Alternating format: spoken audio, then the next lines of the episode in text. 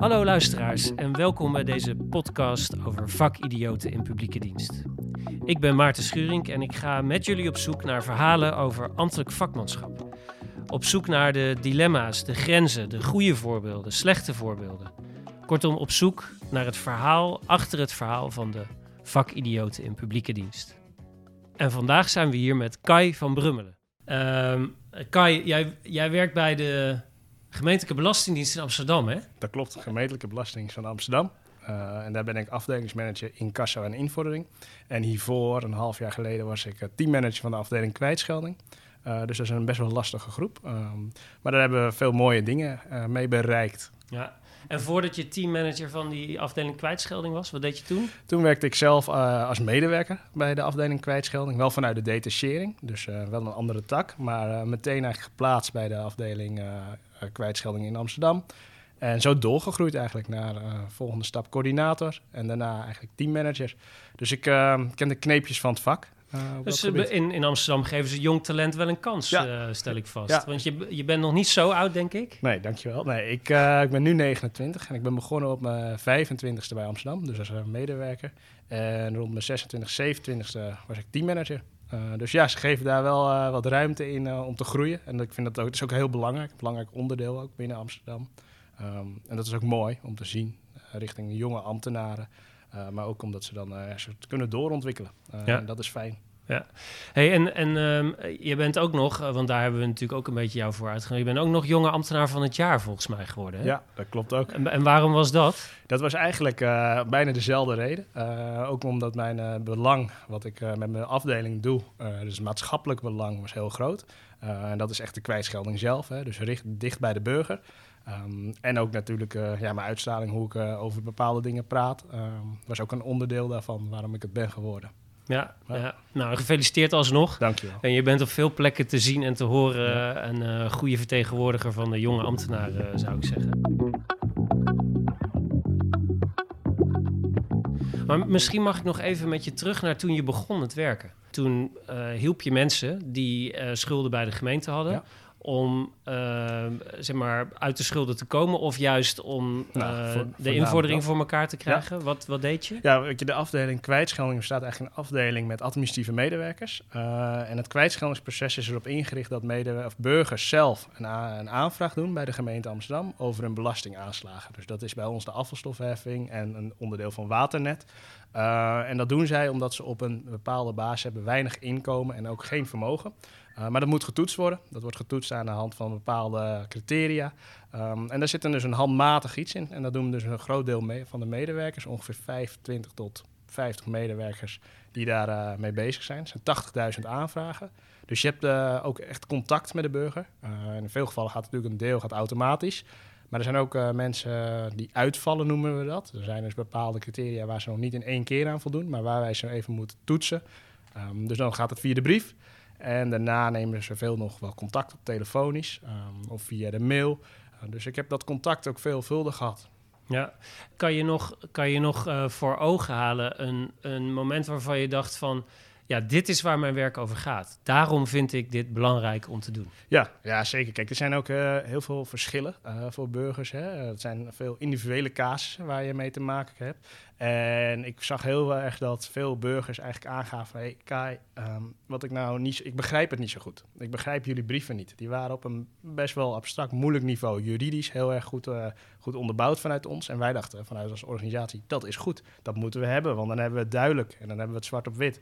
Maar veel burgers die kwamen naar mij toe en zeiden: Ja, dit gaat niet zo lang. Wij begrijpen het niet. We zijn bepaalde groepen. Ik uh, praat ook vaak met bepaalde groepen die het echt moeilijk hebben in de samenleving. Um, ja, en dat was wel een kantelpunt. Dat ik dacht, daar moeten we wat mee doen als organisatie. Uh, als burgers het aangeven, moet je er ook op kunnen anticiperen. Dus dat is wel een moment geweest waarvan ik dacht, nou, nu gaan we er iets, uh, iets anders mee doen. En dat hebben we eigenlijk ook gedaan destijds. Nou ja, dus, maar dat was meer omdat je van, van verschillende mensen hoorde... Ja. ja ik snap die brieven niet die je ja. stuurt. Eh, kan je nog herinneren wat er dan zo onbegrijpelijk was aan die brieven? Ja. En, en wat je erin hebt weten te veranderen? Ja, het voornamelijk zijn teksten. Eh, het zowel ook op, inter, op internet, zeg maar, maar ook de teksten op, het, ehm, op de brief zelf. Hè. Dus als je kijkt naar de woorden, eh, betalingscapaciteit bijvoorbeeld. Dat is voor ons misschien een makkelijk begrip. Dat we denken, nou, dan zal dat dat zijn. Gewoon het woordje vermogen is voor ons veel mensen. Of samenwonend. Dan denken ze van, hoe, in welke context is dat? Worden mijn kinderen meegenomen? Nou, al dat soort eh, begrippen eh, moesten anders uitgelegd worden. Of in ieder geval, dat moest niet, maar dat was wel iets wat de burger heel erg van ons verlangt. Zeker in deze maatschappij ehm, is dat gewoon iets wat heel hoog op het lijstje staat. Dus dat, daar kwamen ze echt zelf mee. Ja, ja. 80.000 gevallen, zei je. Mhm. Ehm, nou, dan, dan spreekt het vanzelf dat je niet alles eh, in, in direct contact kan afdoen. Hè? Tegelijkertijd leren we denk ik ook wel van de toeslagenaffaire Ja, dat we misschien wel te veel, of niet misschien wel, dat we wat te veel door computers af laten Ja. doen en automatisch. Hè?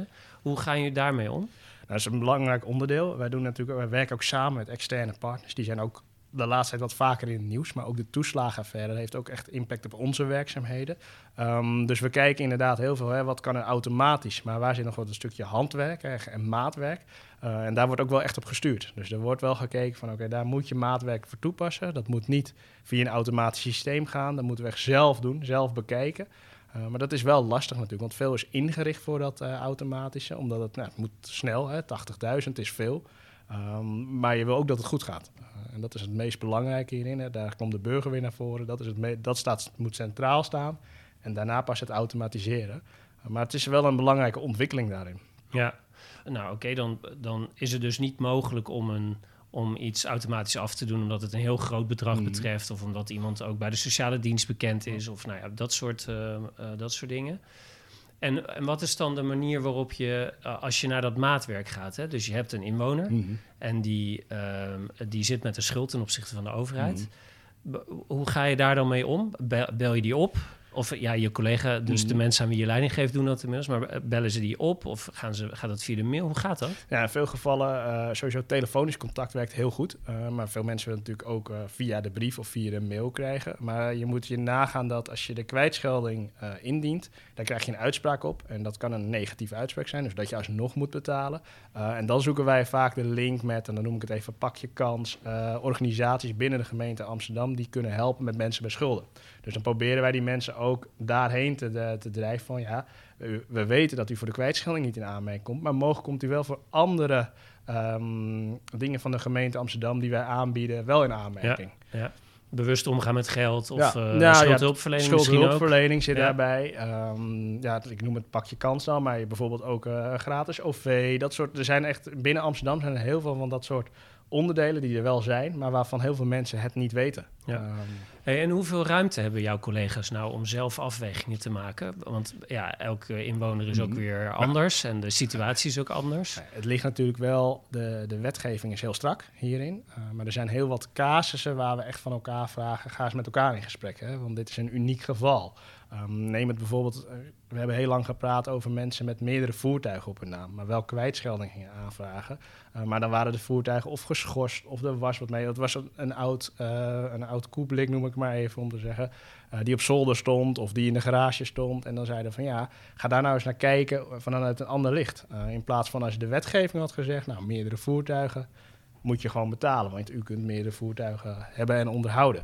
Maar kijk er nou eens naar vanuit de, vanuit de burger zelf. Uh, wat kan hij daar nou mee? En als hij er echt niks mee kan en wat voor waarde is er aan? Dus er is wel ruimte uh, voor, de voor de medewerkers. Maar die is wel uh, best wel strikt natuurlijk. Maar we zijn wel met elkaar in gesprek. En dat deden we in het begin niet toen ik kwam. Was het dat gesprek er veel minder. En nu is dat gesprek er wel. Um, dus dat wordt wel vaak met elkaar besproken.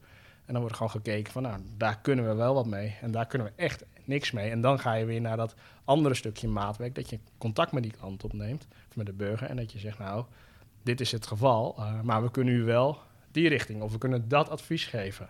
Ja. Um, dus dat doen we wel. En doe je dan, doe je dan ook iets aan... Ja, best wel verschrikkelijk woord, maar warme overdracht. Dus dat je ja. dat dan zo iemand bij de schuldhulp, ja. als die zegt, nou, dat is eigenlijk wel interessant, dat je dan ja. ook de actief aan de schuldhulpverlening overdraagt. Ja, we, gaan, we zijn heel erg in gesprek met bewindvoerders, uh, maar ook met de ombudsman van de gemeente Amsterdam, want daar komt natuurlijk een centraal punt waar veel klachten en veel vragen binnenkomen. Maar ook met de bewindvoerders, die geven gewoon aan van, nou, hè, dit is het geval. Ehm, we zijn bezig met de kredietbank. Dus we zijn met verschillende organisaties proberen we zo'n warme overdracht te doen. Het is natuurlijk wel ingewikkeld, hè, want sommige mensen hebben veel schulden. Uh, en dat wil je het liefst gecentraliseerd hebben. Dat je gewoon kan zeggen, nou hier, dit is de bewindvoerder en die kan met jou het volgende regelen. Maar we doen daar wel een warme overdracht in. Kijk, in veel gevallen reageren mensen ook meteen hoor, na een afwijzing. En dan komt er toch een betaling binnen. Maar later in het traject, hè, als het invorderingstraject is opgestart... dus dat is na een kosteloze herinnering, een aanmaning en een dwangbevel... en we zien dezelfde mensen nog... dan evalueren we dat vanuit onszelf, vanuit een organisatie van... hey, die groep die was bij de kwijtschelding afgewezen. Daar weten we van. Die heeft het extra moeilijk. Hè? Want je hebt natuurlijk ook mensen die niet, niet willen betalen. Gewoon uit een bepaald oogpunt. Dat is een andere groep. Maar die kwijtscheldingsgroep heeft het extra moeilijk. Laten we daar nou eens gaan kijken waar we ze dan wel in kunnen helpen. En kunnen we ze dan naar zo'n bewindvoerder sturen? Of kunnen we ze naar de kredietbank sturen? Ja, dus ja. ja mooi. een beetje het principe van uh, geen verkeerde deur, zou je bijna kunnen zeggen. Als je je bij ons meldt, dan proberen we je ook ja. Ja. met de hele overheid dan vervolgens goed te helpen. Of in ieder geval met de gemeente met Amsterdam. De gemeente Amsterdam. Ja, ja, uh, zeker. Ja. Ja, Hey, en um, uh, je vertelde, ik vond het een mooi voorbeeld met die, uh, met die, die meerdere auto's. Mm -hmm. Dat je daar dus zoekt naar nou ja, maar wat kunnen ze nou echt met zo'n auto als die geschorst is? En, uh, en, is dit nou echt wel een aanwijzing dat iemand nog wat te besteden heeft? Uh, heb je ook wel eens uh, dat je ehm, zeg maar, gevallen of inwoners tegenkomt waarbij je denkt: hé, hey, maar hier past de wet eigenlijk niet goed? Ja, die gevallen zijn er wel. Dat zijn vaak echt unieke gevallen. Uh, maar dan heb je wel echt inderdaad te maken van, denk je, ja, dit, dit, dit is er nog niet in de wet bijvoorbeeld. Of er is wel iets, maar dat sluit er net niet op aan. Uh, en dan moet je ook wel even in, ge, in uh, gewoon met elkaar in gesprek gaan, hè, met juristen van, ja, wat doen we dan in zo'n geval? maar ook horen van die burger van, kijk, de burger wil het liefst in mijn gevallen zeg maar, niet betalen. Want daarvoor dien je een kwijtscheldingsverzoek. En je dient het niet in om ja. het alsnog later te betalen. Uh, maar je moet ook met de burger dan nog steeds weer even dat gesprek blijven voeren. Niet dat het alleen bij de overheid ligt, uh, maar wel gewoon kunnen aangeven van... goh, inderdaad, de wet past hier nog niet op, maar wij denken aan dit en dit. Uh, dat kan mogelijk nadelig werken, maar kan ook in uw voordeel werken. Maar dan zal het volgend jaar wel anders zijn misschien. We kunnen natuurlijk ook een handleiding of een leidraad schrijven wij vanuit Amsterdam. Dus dat, dat is, die heb je wel, die gevallen. Ja, ja, ja. En is het dan moeilijk om, uh, want ook dat is iets wat we uit de toeslagenaffaire wel terug horen, is dat uh, het moeilijk is om vanuit de uitvoering, dus de mensen die in mm. jouw team zitten, om dat dan ook weer naar beleid ja, heel lastig. Uh, te brengen. Ja. En kan je eens iets vertellen over, over hoe dat dan... Lukt dat wel of lukt dat niet? Of moet dat nog beter? Nou, dat, Kijk je daarnaar? Dat, dat, moet beter en misschien ook wel sneller. Uh, kijk, we, inderdaad, als we naar de toeslagenaffaire kijken... Ik zei het voor mij in het begin al. Kijk, wij hebben daar ook... Uh, indirect krijgen we daar ook heel veel vragen over. Hè. We hebben ook gewoon een lijst gekregen van de, van de Belastingdienst... waarop heel veel, uh, nou, noem het subjecten, noem ik het dan even, staan... die ook bij ons in het systeem zijn. Die wil je wel bereiken. maar je wil ze ook op de juiste manier bereiken. Dus aan de ene kant wordt het beleid gemaakt... Uh, maar dan is het de vertaling naar de medewerker die uiteindelijk dat beleid moet uitvoeren, is een vrij lastige. Want een groot deel van de medewerkers vindt het ook moeilijk om met zo'n klant zo'n gesprek te voeren. Uh, en in dit geval, dat is natuurlijk wel het extreme geval, omdat deze klanten, die zijn natuurlijk al best wel benadeeld hè, vanuit de overheid. Dus elk contactmoment wat wij nu met hen leggen, uh, kan heel gevoelig zijn. Want dat is weer een overheid die iets van hun gaat vragen bijvoorbeeld. Uh, dus daar is dat beleidschrijven is een heel belangrijk onderdeel. Want daar moet je ook echt ja, een stukje empathie in houden. Uh, maar dat is ook lastig om dat in beleid te verwerken natuurlijk. Ja. Dus de uitvoering en beleid, dat is wel een, uh, zijn twee lastige punten daarin. Ja. Om het goed bij elkaar te brengen. Ja, ja, ja oké. Okay.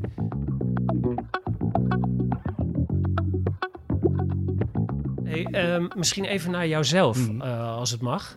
mag. want je bent dus je bent nog hartstikke jong, toch al in een heel verantwoordelijke positie. Uh, je, je praat ook, uh, nou, vind ik heel uh, geenthousiasmeerd en betrokken over je werk. waar komt dat vandaan? Waarom vind je dit eigenlijk zo belangrijk? Nou, ik, ja, weet je, ik vind het voornamelijk belangrijk en we doen het voor de burger. Je hebt ervoor gekozen om in het, in het ambtenarij, noem ik het maar even, te werken. Dus dan doe je het voor de burger. Je doet het natuurlijk ook deels voor jezelf. Maar ik vind wel, als we dan iets doen, dat we het ook dan goed moeten doen voor de burger. Um, en er zijn echt wel gevallen waarvan ik denk, nou, dan, dit is beter voor de organisatie dan voor de burger.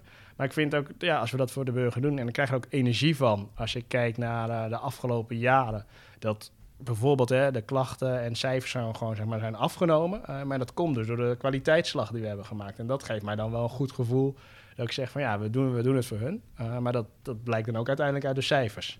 Uh, en dat is gewoon fijn. Dat is iets waar, Ja. waar ik echt heel hard voor werk. Ja, je had ook bij eh, KPMG kunnen gaan Klopt. werken of bij de Albert Heijn zorgen Ja. dat, eh, dat de processen verbeterd werden. Ja, maar daar zeg ik eigenlijk altijd hetzelfde op. Ehm, en dat klinkt misschien gek, maar ik had ook inderdaad bij een Audi-dealer kunnen werken. Maar dat is omdat ik er veel energie in geef. Ik, ik zou hier ook een auto kunnen verkopen, maar ik geef mijn eigen energie erin. Eh, en dat doe ik hier ook. Dus dat zou ik bij een ander ook doen. En nu werk ik hier eh, en gaat het ook naar die burger toe. Eh, en dat vind ik gewoon mooi om te zien. Eh, en dat heb je bij een oude autodealer wat minder natuurlijk. Eh, maar dat zou wel, eh, voor mij maakt het niet zo heel veel uit waar ik werk. Maar nu vind ik dit echt iets belangrijks. En voornamelijk voor de burger. Dat is Ja. iets waarvoor we het doen. Nou, hoewel bij een autodealer natuurlijk ook de mensen heel vrolijk worden als dat, Ja, dat dat, dat mooie dekentje Dat van die auto gaat. zeker. Ja, en dan dat je, ja, precies. Ehm, misschien nog, nog een andere vraag over jouzelf. Mhm. Want b- ik kan me voorstellen dat je ook in situaties komt in je werk waar je, waar je een beetje tegen de grens aan zit. Mhm. Tegen de grens van wat je zelf acceptabel vindt. Ja. Of eh, misschien gaan eh, je collega's wel over grenzen heen die Mhm. jij dan weer acceptabel vindt. Ja. Eh, heb je daar voorbeelden van? Of hoe ga je daarmee om? Nou, concrete voorbeelden. Kijk, er zit ook een onderdeel deurwaarderij, hebben we ook bij ons zelf. En daar zijn ook wel mensen die eigenlijk zeggen van... Goh, we zouden nog harder moeten invorderen. Weet je, dat is wel het doel van ons beroep. We moeten hard invorderen. En we zijn nu eigenlijk juist heel erg naar de sociale kant eh, als organisatie aan het gaan. Ehm, nou, daarvan zit ik denk ik altijd wel van... Ja, daar zitten we op, dat, een, ja, een, eh, een grens waarvan ik denk... Nou, dit is acceptabel. En wat jij voorstelt misschien niet. Uh, dus die gevallen zijn er wel. Het zijn er niet heel veel, maar het is wel dat het vaak, het wordt wel eens besproken. Dat ik denk van ja, hier moeten we echt goed over nadenken, willen we dit? Want het heeft ook weer heel veel impact op de, op de, de burgers. Kijk, als voorbeeld kan ik het pakken dat we, we willen op een gegeven moment weer naar buiten. Dan praat ik even voor onze deurwaarders. Die willen op een gegeven moment naar buiten omdat ze, dat is hun vak.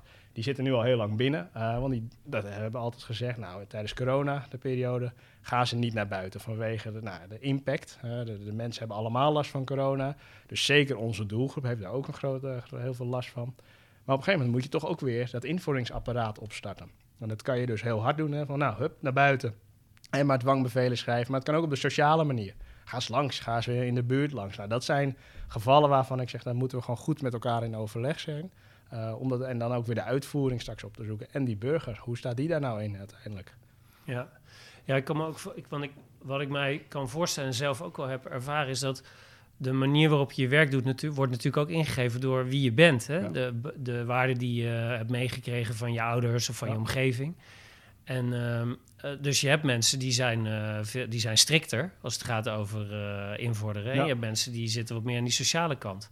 En die zitten natuurlijk allemaal in die teams voor jou. Ja, dus ja. ja. precies. Dus, dus um, die kunnen ook slaande ruzie met elkaar krijgen, stel ik me voor.